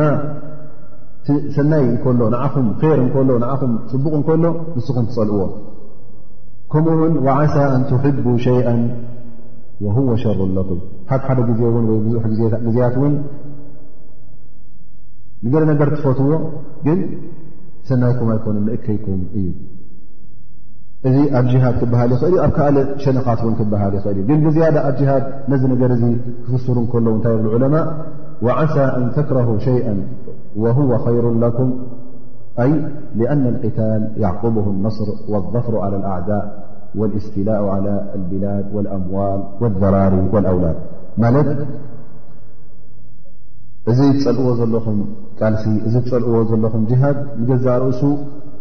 ብዙሕ ሰናይ ዘለዎ ጅሃድ እንተ ጌርካ መጀመርያ ግዜ ኣብ መጀመርያ ነገር ኣወለን እቲ ናይ ኣላ ስብሓን ወላ ትእዛዝ ተኸብር ኣለኻ ኣጅሪ ክትረክብ ኢኻ ኣብ ርእሲኡ ኣላ ስብሓን ወላ እሕደ ሕስነየን ወይ ዓወት ወይ ከዓ ሸሂድ ሞት ፊ ሰቢልላ ጀና ስለ ዝበለካ ሓዲአን ክትረክብ ኢኻ ማለት እዩ ኣብ ርእሲኡ እውን ዓውተ እንተ ተረኺቡ ዓውተ ምስ ተረክበ ድማ እንታይ ክትገብር ኢኻ ማለት እዩ መሬት ዝያዳ መሬት ክትሕዝ ትኽእል ኢኻ ወይ እውን ኣብ ርእሲኡ እውን እንተ ዝስለብ ኣሎ ኮይኑ ገንዘብ ማል ብእሰር ትኣስር ኢኻ ማለት እዩ እዚ ኩሉ ድማ እንታይ ዝበካ ንዓኻ ሓይልን ከምኡ ውን ነታ ዓድኻን ነቲ ዲንካ እውን ይሐይሎ ማለት እዩ ግን እንተ ደኣ እዚ ነገር እ ዘይቆምካ ከ ዓሳ ኣን ትሕቡ ሸይአ ወህወ ሸሩ ለኩም የል ወምን ሊክ ኣልቅዑዱ ዓን ልቅታል ድ ያዕቁቡ እስትላእ ዓድው ዓላ ልብላድ ወልሕክሙ ዓላ ሃذ ብላድ እንተ እቲ ጅሃድ ገዲፍካ እቲ ቃልሲ እተ ገዲፍካዮ ኸ ስኻ ሕጂ ኩሉ ሰብ ዝኾነ ይኹን ክዕርፍ ካብ ቃልስን ካብ ምቅታልን ካብ ሞትን ካብ ደምን ካብ ኩሉ ክዕርፍ ዝደሊ እዚ ዎ ትፈትዎ ኣለኻ ግን ፅባሕ ንግሆ ውፅኢቱ እንታይ ከም ምኳኑ ረሲዕካ ኣለኻ ማለት እዩ ምናልባሽ ሕጂ እዚ ፈቲኻ ኣለኻ ግን ውፅኢቱ ንዓኻ ጎዳኢ እከይ ክኸውን ይኽእል እዩ ምክንያቱ እተ ጅሃድ ገዲፍካ እተ ነዚ ን ዘይትቃለሰሉ እተ ኮይንካ ፅባሕ ንጎ ፀላእ መፅኡ ንዓኻ ሃገርካ ክሕዘካ ክሕዝ እዩ ሃገርካ ሒዙ እውን ባዕሉ ኣብ ርእሲኻ ፀበል ክብል እዩ ንዓኻ ክረግፀካ እዩ ንዲንካ ክረግፅ እዩ ንስድራ ቤትካ ክረግፅ እዩ ክብረት ነፍስኻ የብልካ ክብረት ሃይማኖትካ ክትስእን ኢኻ ክብረት ውላድካ ክትስእን ኢኻ ኩሉ ነገራት ካብትካ ክወፅእ ስለ ዝኾነ እቲ ትፈርሆ ዝነበርካ ውርደትን ሕስረትን መቕተልትን ሕጂ እውን ብዝያዳ ክትቅተልን ክትሓስርን ኢኻ ኣብ ኩናት እተ ኮይኑ እተ ክተወፉ ኮንካ 2 ይቀተልካ ዳኣ እበር እተ ሃገርካ ተታሒዙ ግን ብዓብኡ እተ ኣብ ትሕቲ ፀላኢ ኣትኻ ግን ኩልኻ ወላ ውን ብሄድካ ከለኻ ዳርጋ ምዉት ኮንካ ኢኻ ክትነብር ማለት እዩ ድላይካ ክትገብር ኣይትኽእል ድላይካ ክትሰግድ ኣይትኽእል ድላይካ ዲንካ ከተቕውም ኣይትኽእል ድላይካ ቁርኣንካ ክትዕለም ኣይትኽእል እዚ ኩሉ ነገራት ናይ ዲንካ ኩሉ ክጠፍኣካ ማለት እዩ እተ እታ ዲን ጠፊኣትካ እንተ ክብረትካ ጠፊኡ እንተ ድላይካ ክትገብር ዘይትኽእል ኮይንካ እታ ህየት እሞ ኣበላ እታ ሰናይ እሞ ኣበላ ማለት እዩ ስለዚ እቲ ኲናት እቲ መቕተልቲ እቲ ጅሃድ እወ ከቢድን ኣሸጋርን እዩ ግን እዚ ነገር እዚ ፅባሕ ንግሆ ንዓኻ ኣዓዋትን ኣኽባርን ኣብ ክብረትን ኣብ ልኡልነትን ስለ ዘብፅሓካ ኣይትፅልኣዮ ማለት እዩ እዚ ኣያ ድማ ኣላ ስብሓን ወተላ ብምንታይ ይድምድማ የቁል ወላሁ ያዕለሙ ወኣንቱም ላ ተዕለሙን ኣላ ስብሓን ወተላ እንታይ እቲ ንዓኹም ዝበለፀን እንታይ እቲ ንዓኹም ዝሕሸኩምን ይፈልጥ ወላሁ ያዕለሙ ወኣንቱም ላ ተዕለሙን ኣላ ስብሓን ወላ እዩ ዝፈልጥ ዳኣ እምበር ንስኹም ሓንቲ ትፈልጡን ኢኹም ፅባሕ ንግሆ ውፅኢታቱ እዚ ጉዳይ እንታይ ከም ምኳኑ ናይቲ ጅሃድ ንስኹም ትፈልጥዎ ነገር የብልኩምን ግን ኣላ ስብሓን ወተላ ይፈልጦ እዩ እቲ ንዓኹም ዝሕሸኩምን እቲ ንዓኹም ዝጎድኣኩምን ኣላ ስብሓን ወላ እዩ ዝፈልጦ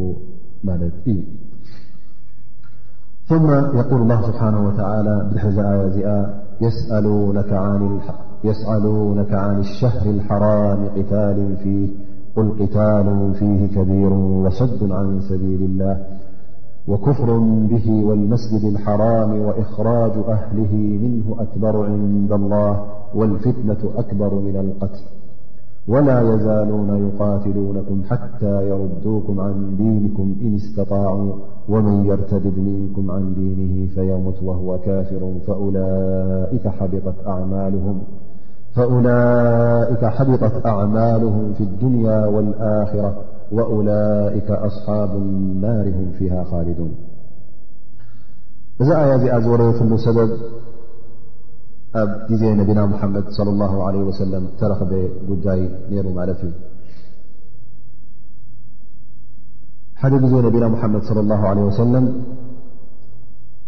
ኣብ መዲና እንከለዉ ማለት እዩ መዲና እንከለዉ غዘዋት ሰራይ ኣካየድ ነይሩ ማለት እዩ ማለት ጦፍ ወይ ከዓ ሰራዊት ገለ ይልእኩ ነይሮም ማለት እዩ ናበይ ንተፈላለየ መልእኽቲ ንክገብሩ ማለት እዩ ናይ ዳዕዋ ነገር እንተኣ ሉ ኮይኑ ናይ ስምምዕ ነገር እተ ሉ ኮይኑ ወይ እውን ቁሬሽ እቶም ሙሽርኪን ኣብ መካ ዝነበሩ ኣንፃሮም ገለ ነገራት ግበር እተ ኮይኑ ይልእኩ ነሮም ማለት እዩ ሓደ ግዜ ነቢና ሙሓመድ ለ ላه ለ ሰለም ንኣብ ዑበይዳ ብን ጀራሕ ይፅውዕዎ ማለት እዩ ንኣብ ዑበይዳ ብ ጀራሕ ፀዊዖም እብልዎ ንዓይ ኣብ ዑበይዳ እስኻን እዞም ትሽዓተ ብፆትካን ብሓንሳእ ትኸዱ ወከዓ ሸ ሸዓተ ኣቢሎም እዛ ደብዳቤ እዚኣ ውሰዳ እሞኒ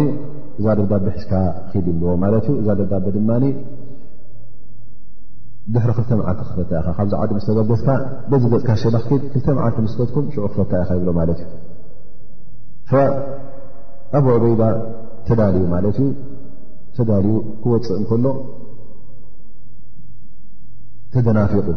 በኺቡ ባካ ሰባበተን ኢላ ረሱል ላ ካብ ነቢና ሓመድ ص ሰለ ክፍለ ደስ ኣይበሎን ማለት እዩ ነቢ ስ ሰለ ምሳና ዝኸይድ ናፈ ሽ ግን ኣነ ሕጂ ካብ ነቢና ሓመድ ተፈለየ እመለስ ኣይመለስ ይሙት ኣይሙት ስለ ዘሎ ኢሉ ቁሩብ ተደናፊቑ በኺ ማለት እዩ ካብ ነቢና ሓመድ ص ሰለ እዚ ነገር ዚ ስረኣዩ ይብ ካላት ያባ ኣበይዳ ኮፍ ሰኻ ካልእ የምፅ ዓብዱላ እብኒ ጃሓሽ ዝተባህለ ንዕኡ ይፅውዕዎ ማለት እዩ ንዕኡ ፀዊዖም ሸሞንተ ሰባት ይብዎ ማለት እዩ ኩሎም እዞም ሸሞንተ ሰባት እውን ካብቶም ሙሃጅሪን እዮም ነሮም ካብ ኣንሳር ኣይነበሩን ሙሃጅሪን ማለት እቶም ካብ መካ መፂኦም ንመዲና ዝሃጀሩ ምስ ነቢና ሙሓመድ ስለ ላ ለ ወሰለም ማለት እዩ እንታይ ኢሎም ይእዝዝዎ ልክዕ ከምታ ንኣብ ዑበይዳ ዝሃብዋ ትእዛዝ ይእዝዝዎ ማለት እዩ ንዓ እዛ ፅሕፍቲ እዚኣ እዛ ደጋ በዚኣ ሒዝካ ተበገስ ይብልዎ ናብ በዚ ገፅካ ውፃእ ንሰሜን ይኹን ንምብራቕ ውፃእ ይብልዎ እዛ ደጋ በዚኣ ድሕሪ ክልተ መዓልቲ ከፍታ ተንብባ ሰንበብካያ ሽዑ ንመውፀትካ ንገሮም ንስኻ ከይድ ደለየ ተማላኣዮ ክምለስ እየ ዝበለካ እውን ኣይተገድዶ ይመለስ ይብልዎ ማለት እዩ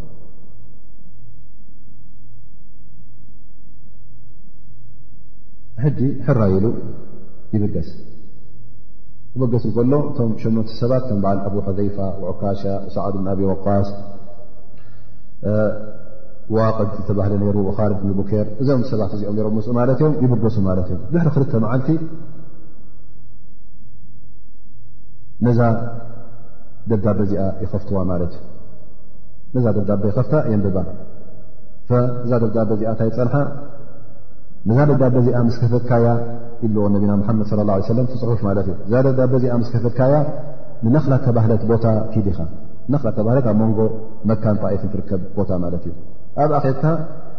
ንቁሬሽ ተኸታተለልና ማለት ካብ ዓዲ ዝወፅእ ወይከዓ ካብ መካ ዝወፅእ ወይከዓ ንመካ ዝኣቱ እንታይ ኣሎ ናይ ንግዲ ኣግማል ይኹን ገለ ይኹን እንታይ ከም ዘሎስ ተኸታተልና እንታይ ኣለዎም ኢሎም ነቢና ሙሓመድ ወረ ሒዝካልና ንፃእ ይብልዎ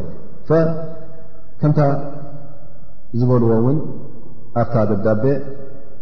ነዚኣ ምስ ረኣየ ሰምዐን ወጣዓተን ይብል ያ ረሱላ ላ ሰምዐን ወጣዓተን ሰሚዕናን ተማእዚዝናን ይብል ምኽንያቱ እዚኣታ ትእዛዝ ነይራ ነቢ ስ ሰለም ጠብዓ እዚ ጉዳይ እዚ መጀመርያ ክወፁ ከለዉ እቲ ወረ ኣብ ኩሉ ንክይበፅሕ እቲ ነገር ብዛዕባ እዚ ነገር እዚ ልኢኾም ከም ዘለዉ ቁሬሽ ንኸይትሰምዕ እቲ ነገር ሕቡእ ንክኸውን ማለት እዩ ድሕሪ ክልተ መዓልቲ ክፈታ ኢሎሞ ምክንያቱ ድሕሪ ኣብ መዲና ተኸፊታ ተነጊሩ እሱ ንገለ ከይነግር ወይ ከዓ ክስማዕ እዩ ማለት እቲ ወረ ድማ ናብ ቁሬሽ ንኸይበፅሕ ድሕሪ ክልተ መዓልቲ ድሪ ክልተ መዓልቲ በረኻ ማለት እዩ ኣብ በረኻ መን ከብፅሓ ኣለዎ ወረ እተተዛረቡ ሰበ ንሕዶም ማለት እዮም በቃ እታ ጉዳይ ወላ ውን ክምለስ ድሪ ክልተ መዓልቲ ቲ ዝምለስ ንመዲና ውን ና ክልተ መዓልቲ ተሪፍዎ ኣለዎ ማለት እዩ ስለዚ እታ ድላዮም ቦታ ክበፅሑ ማለት እዮም ና ተወረ ወላ ሓደ ሰብ ከይሰምዖም ከሎ ማለት እዩ ከምታ ነቢና ሓመድ ለ ሰለም ዝበልዎ ውን ዓብዱላ ነጃሓሽ እሞ እታ ትእዛዝ እዛ ዝሰማዕኩማ ኢኹም ነቢ ስ ሰለም ን ኣብ መዲና ከለኹ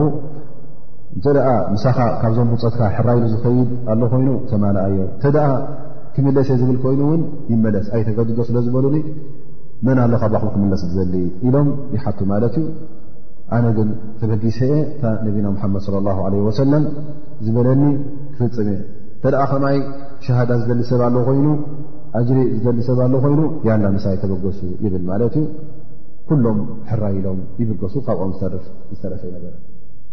ይብገሱ ይኸዱ መጀመርያ ክወፁእ ከለዉ ድማ ሕፅረት ናይ ገንዘብ ወይ ከዓ ሕፅረት ናይ ማል ስለ ዝነበረ ትሽዓተ ሰባት እንከለዉ ተናግማል እኹላት ኣይነበራን እንታይ ደኣ ሓንቲ ገመል ንክልተ ሰብ ነራ ማለት እዩ ሓንቲ ገመል ናብ ክልተ ሰብ እቲ ይዕርፍ እቲ ይሰራ እቲ ይዕርፍ እቲ ይሰራ ነሩ ማለት እዩ ሰብ መንገዲ እናኸዱ ከል ሓንቲ ቦታ ምስ ዕረፉ ሰዓድ እብን ኣብ ወቃስ ምስ ዑትባብ ንቀዝዋን ክልቲኦም ዝበራርብላ ዝነበሩ ገመል ጠፍእ ኣላ ማለት እዩ ምስ ጠፍአት እዞም ክልተ ነዛ ገመል ክደልዩ ይተርፉ ማለት እዩ እቲኦም ግን መን ክፅዕን ፅበየኩም ኢና ኢሎሞ ይኸዱ ማለት እዩ ንቅድሚት ይሓልፉ ናፍታ ነቢና ሙሓመድ ለ ላ ሰለም ዝበሎም ናብ ነክላ ይኸዱ ማለት እዩ ነክላ ምስ በፅሑ ኣብኣ ሕጂ ከምታ ነቢና ሓመድ ስ ሰለም ዝበሎም ብዛዕባ ቁረሽ እንታይ ኣሎ ወረ ካብ ዓዲ ካብ መካ ዝወፅእ እንታይ ኣሎ ንመካ እንታይ ይኣትሎ እና ተፀበዩ ከለዉ ናይ ቁረሽ ንግዲ ክመፅእ ይርእዎ ማለት እዩ እዚ ንግዲ እዚ ገለ ኣግማል ነረን ማለት እዩ ኣግማል ድማ ብቢ ዓይነቱ መግብን ብቢ ዓይነቱ ብልዕን ብቢ ዓይነቱ ንግድን ዝተሰከማ የጓንፍኦም ማለት እዩ እዚ ንግዲ እዚ ዓምሩ ምልሓድረሚ ዝተባህለ ካልኦት ነሮም ምስኦም ምስ ነሮም ግን ዓምሩ ምሓድረሚ ስቲ መራሒኦም ነሩ ማለት እዩ ክልተ ኣሕዋ ድማ ዑስማን ኖፈል ዝተባህሉ ነሮም ራብዓዮም ድማ ኣልሓከም እብኒ ኪሳን ዝተባህሉ ሮም ኣርባዕተ ሰብ ነሮም ማለት እዮም ኣርባዕተ ሰባት ነዘን ኣግማል እዚኦም ሒዘን ዝኸድወን ማለት እዮም ምስ ረኣይዎም ሕጂ እዚ ንግዲ ሒዞም መፁ ኣለዉ እንታይ ክንገብር ኢሎም ክማኸሩ ጅምሩ ማለት እቶም ኣስላም ኣብ ሓንቲ ኣብ ጥቓን ጥቓን ድማ የዕርፉ ማለት እዩ ምስ ረኣይዎም ኣቲ ጥቕኦም ሶም ከም ገያሾ መሲሎም እውን የዕርፉ ሕጂ ቁሬሽ ትፈልጥ ነይራ ማለት እዩ ብወገን መዲና ካብ ነቢና ሙሓመድ ስ ለ ሰለም ገለገለ ፅንፅንታ ነይርዎም ማለት እዩ መገዲ ክዓግቱ ወይ ከዓ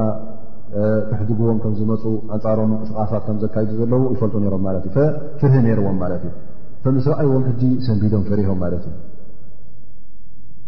ዑካሻ ብኒ ሙሕሰን ሕጂ ዝያዳ ንዕኦም ስምባደ ዝግ ንኸብል ማለት እዩ ኣብ ርሑቕ ኮይኑ ርእሱ ቀሊዑ ማለት ተላፅኡ ርእሱ ቀልዓሎም ኣሎ ማለት እዩ ብጥቕኦም በቲ ይርእዎ ኣሎ እዚኦም ዳ ዑምራ ዝነበሩ እዮም ኢሎም ሕጂ ዝግ ይብሉ ማለት እዩ ምክንያቱ ላፅኡ ስለ ዝረእዎ ዑካሻ እዚኦም ዑማር ዑምራ ክገብሩ ዝመፅኦም ኢሎም ኸላስ ኢሎም ሓንቲ ሽግር የብላን ኢሎም ይዕርፉ ማለት እዩ ጥቓን ጥቓን ምስ ዕረፉ ሕጂ እዚ ወርሒ እዚ ወርሒ ረጀብ ነይሩ ማለት እዩ ረጀብ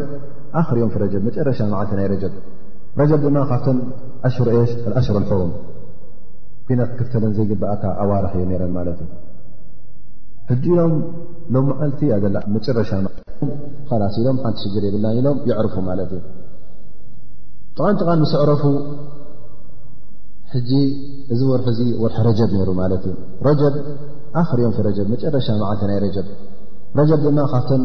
ኣሽር ሽ ኣሽር ሕሩም ኩናት ክፍተለን ዘይግብኣካ ኣዋርሒ እየ ነረን ማለት እዩ ሕጂ ዮም ሎም መዓልቲ እያ ዘለ መጨረሻ መዓልቲ ሎም መዓልቲ እተገዲፍናዮም ፅባሕ ንግሆ ኣብቲ ሓረም ድማ ክኣት እዮም ሓረም ተኣትዮም ድማ ክነውፅኦም ወይ ከዓ ክንዋግኦም ኣይንኽእልን ኢና እሞ እንታይ ደኣ ንግበር ንግደፎም ዶ ወይ ንሕትጎም ኢሎም ቶም ኣስላም ክመያየጡ ጀምሩ ማለት እዩ ተማየጦም ተማየጦም መጨረሻ ህጁም ኢሎም ዝከኣለና ንሕዞ ዘይከኣለና ድማ ክንቀቶ ተኽእልና ድማ ንቕተሎ ኢሎም ሕራ ኢሎም መጀመርያ ዋቅት ዝተባህለ ካብቶም ኣስሓብ ነቢ ስ ሰለም ማንቲ ግራማ ገይሩ ሰድ ኢሉ ነዛ ዓምሮ ሓድረሚ ክቐትለሎ ማለት እዩ እዚ ኣብ ዝተረኸበት ኖፈል ዝተባህለ ይሃድም እቶም ክልተ ይተሓዙ ማለት እዩ ሕጂ ሓደ ሞይቱ ካብቶም ሙሽርኪን ሓደ ሃዲሙ ክልተ ተኣሲሮም ምስቲ ንብረቶም ማለት እዩ እዚ ምስ ገበሩ እቶም ኣስሓብ ነቢ صለ ላه ለ ወሰለም ንብረቶም ሒዞም ክልተ እሱራቶም ሒዞም ንመዲና ኦም ምለሱ ማለት እዩ ኣብ መዲና መገዲ እና ተመልሱ ከለዉ ዓብድላህ ብጃሓሽ ዝብል እዚ ንብረት እዚ ሓደ ሕምሲት ወይ ከዓ ሓደ ኣፍ ወይ ሓምሻይ ኣፍ ካቡ ንነቢና ሙሓመድ ለ ላሁ ለ ወሰለም ኢሉ እዚ ገና እቲ ናይ ቐናእም ሓምሻይ ኣፍ ንነቢና ሙሓመድ ስ ሰለም ክውሃኩም ዘለዎ ገለመለታት እዚ ገና ኣይወረደ ነይሩ ግን ኢልሃም ካብ ኣላ ስብሓን ወተዓላ መፅዎ ከምኡ ይኹን ቲ ዝተረፈ ድማ ክምቀል ኣለዎ ኢሉ ነቶም ኣስላም ክምቀልኩም ምኳኑ ተዘራሪቡ ማለት እዩ ግን መዲና እቱ ምስ በሉ እነቢና ሙሓመድ ለ ላ ለ ወሰለም ተረኽበ ጉዳይ ይነግርዎ ማለት እዩ ሻላ ድሕሪ ኣዛ ነግረክሉ ማለት እዩ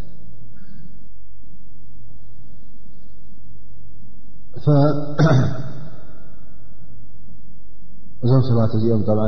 ከምቲ ዝበልናዮ ተዓዊቶም እዮም ተመሊሶም ዘለዉ ተሓጒሶም ንመጀመርያ ግዜ እሱራት ካብ ቁሬሽ የምፅኡ ንመጀመርያ ግዜ ከምዝኣመሰለ ንብረት ሒዞም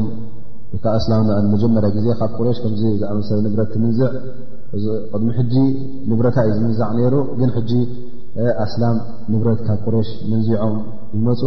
እሱር ሒዞም ይመፁ ንመጀመርያ ግዜ እውን ዳርጋ ሓደ ካብ ቁሬሽ እውን ይቀትሉ ማለት እዩ ባዕሎም ብሓይሎም ተሓጒሶም ይመፁ ማለት እዩ ነቢና ሙሓመድ ለ ላ ሰለም ይኣትዎ ማለት ከነቢ ለ ላ ሰለም ምስርኣዮም ይስንብድ ማለት እዩ ፈየቁል ም ማ ኣመርትኩም ብቅታልን ፍሻታ ኣነ መዓስ ተዋግ ኢለኩም ኣነ ክለቀኩም ከሎ ኪድ ረኣየለይ እንታይ ኣሎ ወላ እንፃለየ ተባሂል ከደኣ እበር መን ኢሉካ ኩናት ኣካይ ኢሎ ነቢና ሙሓመድ ለ ላ ሰለም ይምልሰሉ ማለት እዩ እንታይ ይኮኑ ስንግዱ ማለት ይክሉ ሞጠፊእና ይብሉ ትእዛዛት ነቢና ሓመድ ስ ሰለም ጥሒስና እሞ ሰብ ተቀትሉ እሞ እሱራት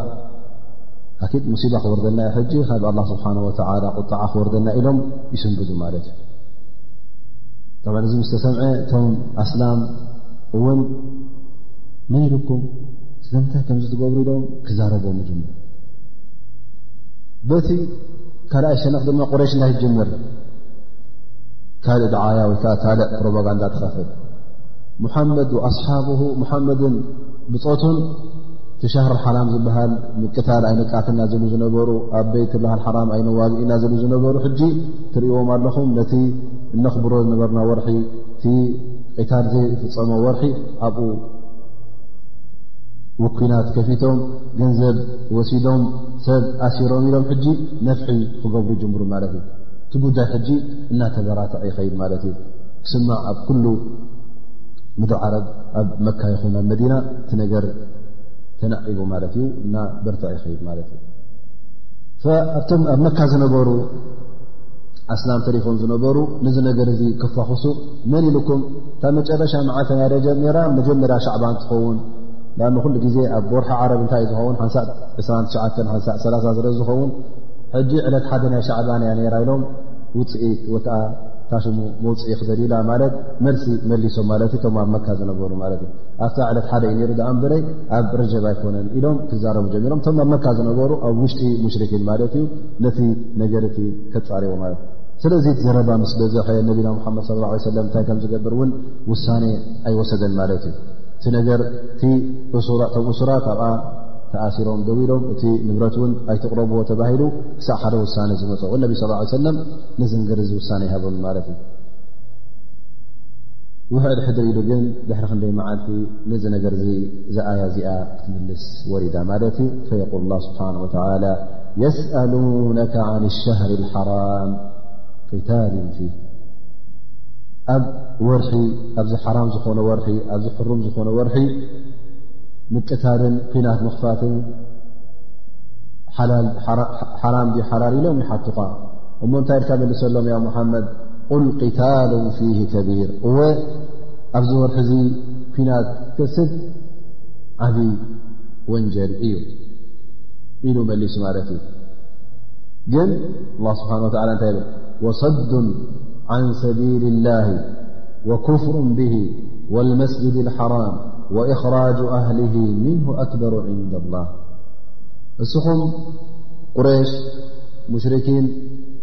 ሕጂ ናይ ሻሃር ሓራም ሓደ ሰብ ሞይትና ሓደ ሰብ ቀትልና ኩም ትዛረቡ ኣለኹም እዚ ነገር እዚ ወ ኣብ ኣብዚ ሓራም ዝኾነ ወርሒ ጌጋ እዩ ግን እስኹም ዝገበርኩምሞ ደይ ትርእዩ ቀዳማይ ነገር ትስልምና ንኸይዝርጋሕ ነቢና ሓመድ ص ه ሰለ ዳዕዋ ንኸይፍፅም ኣንፃሩ ደው ኢልኩም ክሳዕ ሎሚ ትቃለሱ ኣለኹም ቅድሚ ሕጂ ደው ኢልኩም ኣብ መካ ከሎ እንደገና ውን ኣብ መዲና ከለዉ ኣንፃር እስልምና ኣንፃር ሰቢልላ ማለት ኣንፃር ዲን እስልምና ደው ኢልኩም ኣለኹም እንደገና ክፍሩ ብ ብኣላ ስብሓ ወላ ክሒትኩም ኣብ ክንዲ ንሓደ ኣላ ስብሓ ወ ተምልኹ ዓ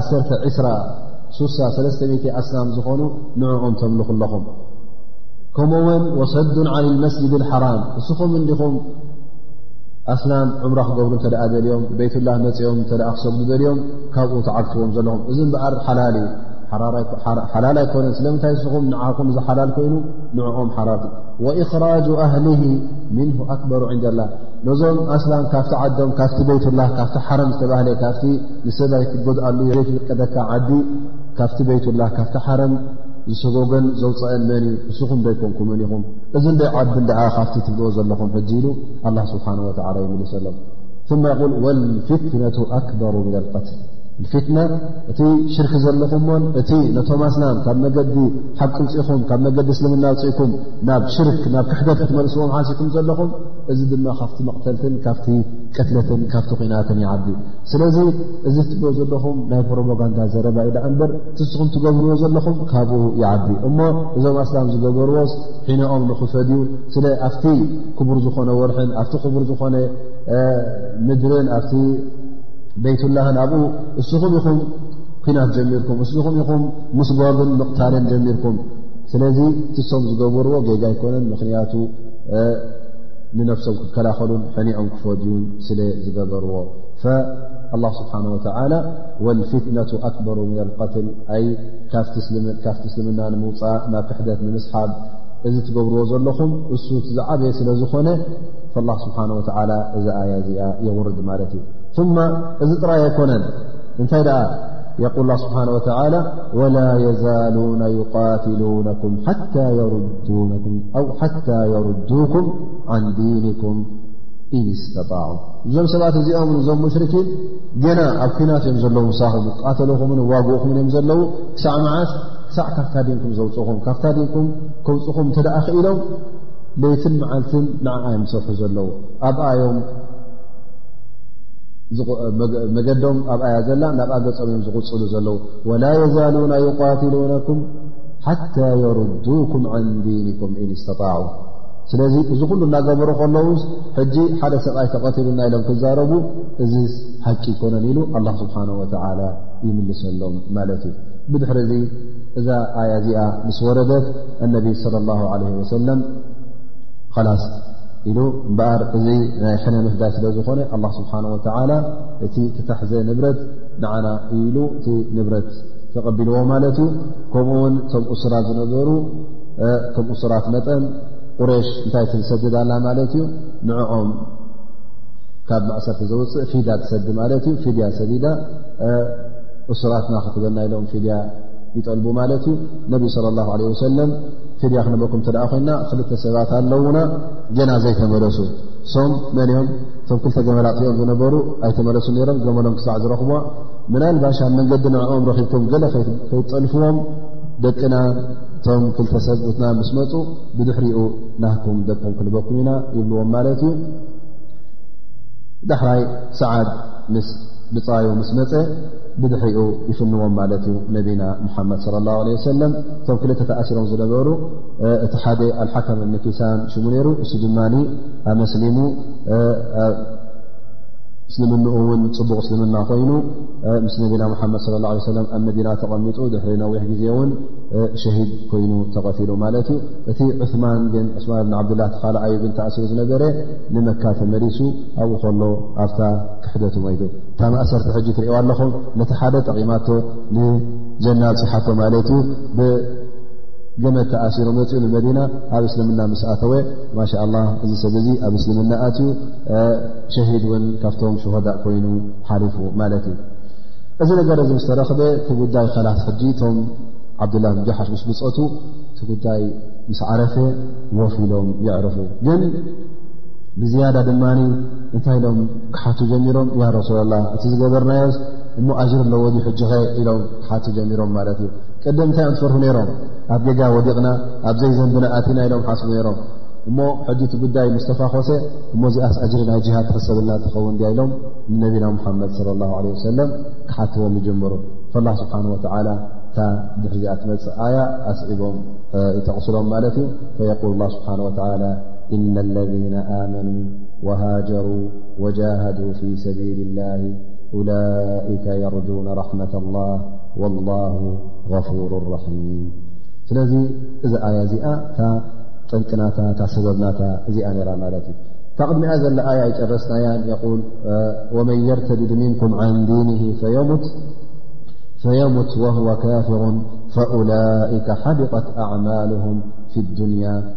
ወልኣራ ማለት እሶም ደይ ንደይሎም ደይቲ ምስ መዓልቲ ንዓኹም ካብ መገዲ ሓቂ ካብ መገዲ ኢማን ካብ መንገዲ እስልምና ንኸውፅኹም ክፍትኑ እዮም ክቃለሱ እዮም ኣይዕርፉን እዮም እውን ወላ የዛሉና ይቃትሉነኩም ሙስተምሪን ቀፀልቲ ማለት እዮም እቲ ጉዳይ ቀፃሊ እዩ እናቀፅሉ ኩሉ ግዜ ንዓኹም ካብ ድንኩም ንኸውፅኹም እዮም ዝቃለሱ ዘለዉ ቀፃሊ ቃልሲ እዮም ዝፍፅሙ ዘለዉ ግን ኣላ ስብሓን ወተላ እውን የጠንቅቐና ኣሎ ማለት እዩ ወመን የርተድድ ምንኩም ዓን ዲን ግን ካባኹም እንተ ደኣ ናብኦም ተመሊስካ ካብቲ ዘለኹም መስልምና ናብ ክሕደት ተመሊስኩም እሞ ኸዓ ድሕሪኡ ኣብቲ ክሕደት ኣብቲ እርትዳድ ኣ ካብ ዲንካ ወፅእካ ናብ ዲን ሽርክ ተመሊስካ ኣብኡ እንተ ደኣ ሜትኩም ፈኡላይከ ሓቢጠት ኣዕማልሁም ፊ ዱንያ ወልኣራ እቲ ኩሉ ዝገበርኩምሞ ሰናይ ተግባር ኣስላም ኮንኩም ኣብቲ ግዜ እስልምና ዝገበርኩምሞ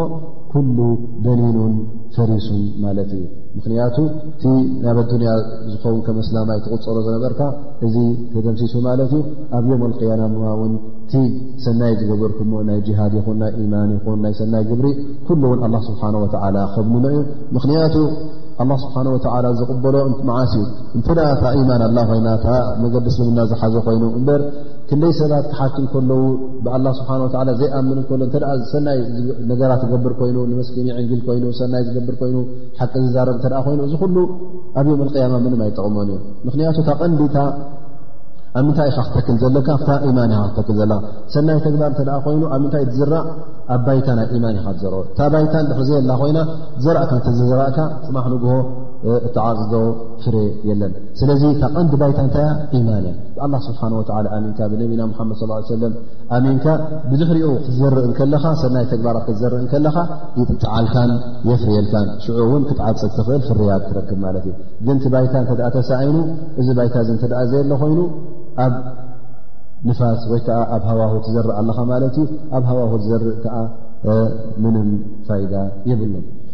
ወላይከ ኣስሓብ ናር ም ፊሃ ካሊዱን እሶም ድማ እተ ኣብ ክሕደትካ ሞትካ ውን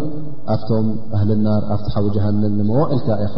ክትነብር ካብ ሓዊ ጀሃንም ን ኣይወፅእን ማለት እዩ ምክንያቱ እዚ ሰብ እዚ ኣብ ክሕደት ስለ ዝሞት ድሕሪኣ ዝመፀት ኣያ ን ኣ ስብሓ እነ ለذነ ኣመኑ ወሃጀሩ ወጃሃዱ ፊ ሰቢል ላህ እዘን ሰለስተ ነገራት ን ዘማልኡ ቀዳማይ ነገር እነ ለذ ኣመኑ እቲ ቀዳማይ ነገር ዝበልና ኢማን ማለት ዩ ብኣ ስብሓ ብነቢና ሓመድ ለ ላ ለ ወሰለም ብኩሉ እቲ ኣ ስብሓ እመኖ ዝበለካ ክትኣምን ከለኻ እዚ ቀዳማይ ነገር ብድሕሪኡ ድማ ወሃጀሩ ወልሂጅረቱ ከም ዝብልዎ እቲ እትፈትዎ ዓድን እትፈትዎ ሰብን ትፈትዎም ስድራ ቤትን እቲ ኩሉ ነገራት ትፈትዎ ምእንቲ ኣላ ስብሓን ወላ ኢልካ ክትገትፎም ከለኻ እቲ ኣብ ግዜ ነቢና ሙሓመድ ለ ላ ሰለም ዝነበረ ሂጅራ እንታይ እዩ ካብ መካ ካብ ዝፈትዎ ዓድን ትፈትዎ ማልን ዝፈትዎም ገንዘብን ካብ ስድርኦም ኩሉ ራሕሪሖም ንነቢና ሙሓመድ ለ ላ ሰለም ተኸትሎም ናበይኣት ነሮም ንመዲና ከዱ ነሮም ማለት እዩ እቲ ሂጅራ እውን ከምኡ ማለት እዩ ነቲ ማዕስያ ንዕኡ ገዲፍካ ነቲ ነብስኻ ትፈትዎ ነገራት ኩሉ ንኡ ደርቢኻ ናብቲ ኣላ ስብሓን ወላ ዝፈትዎ ናብቲ ነቢና ሙሓመድ ለ ላ ለ ወሰለም ዝፈትዎ ናብኡ ክትጓዓዝ ከለኻ ሂጅራ በሃል ማለት እዩ ካብቲ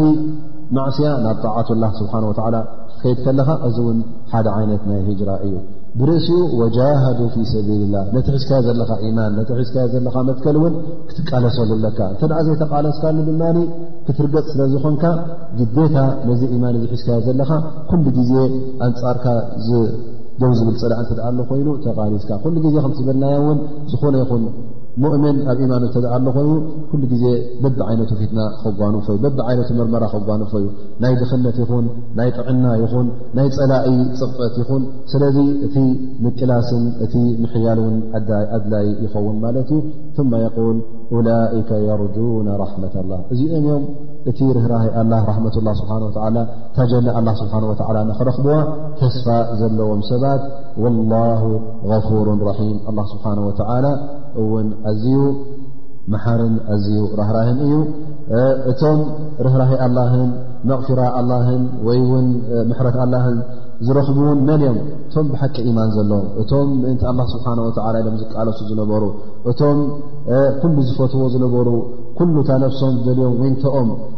ራሕሪሖም ናፍቲ ዊንታ ኣላህን ናፍቲ ዊንታ ነቢና ሙሓመድን ስለ ላ ለ ሰለም ኣብቲ ዊንታ ናይ ዲኖም ኣብቲ መትከል ናይ ዲኖም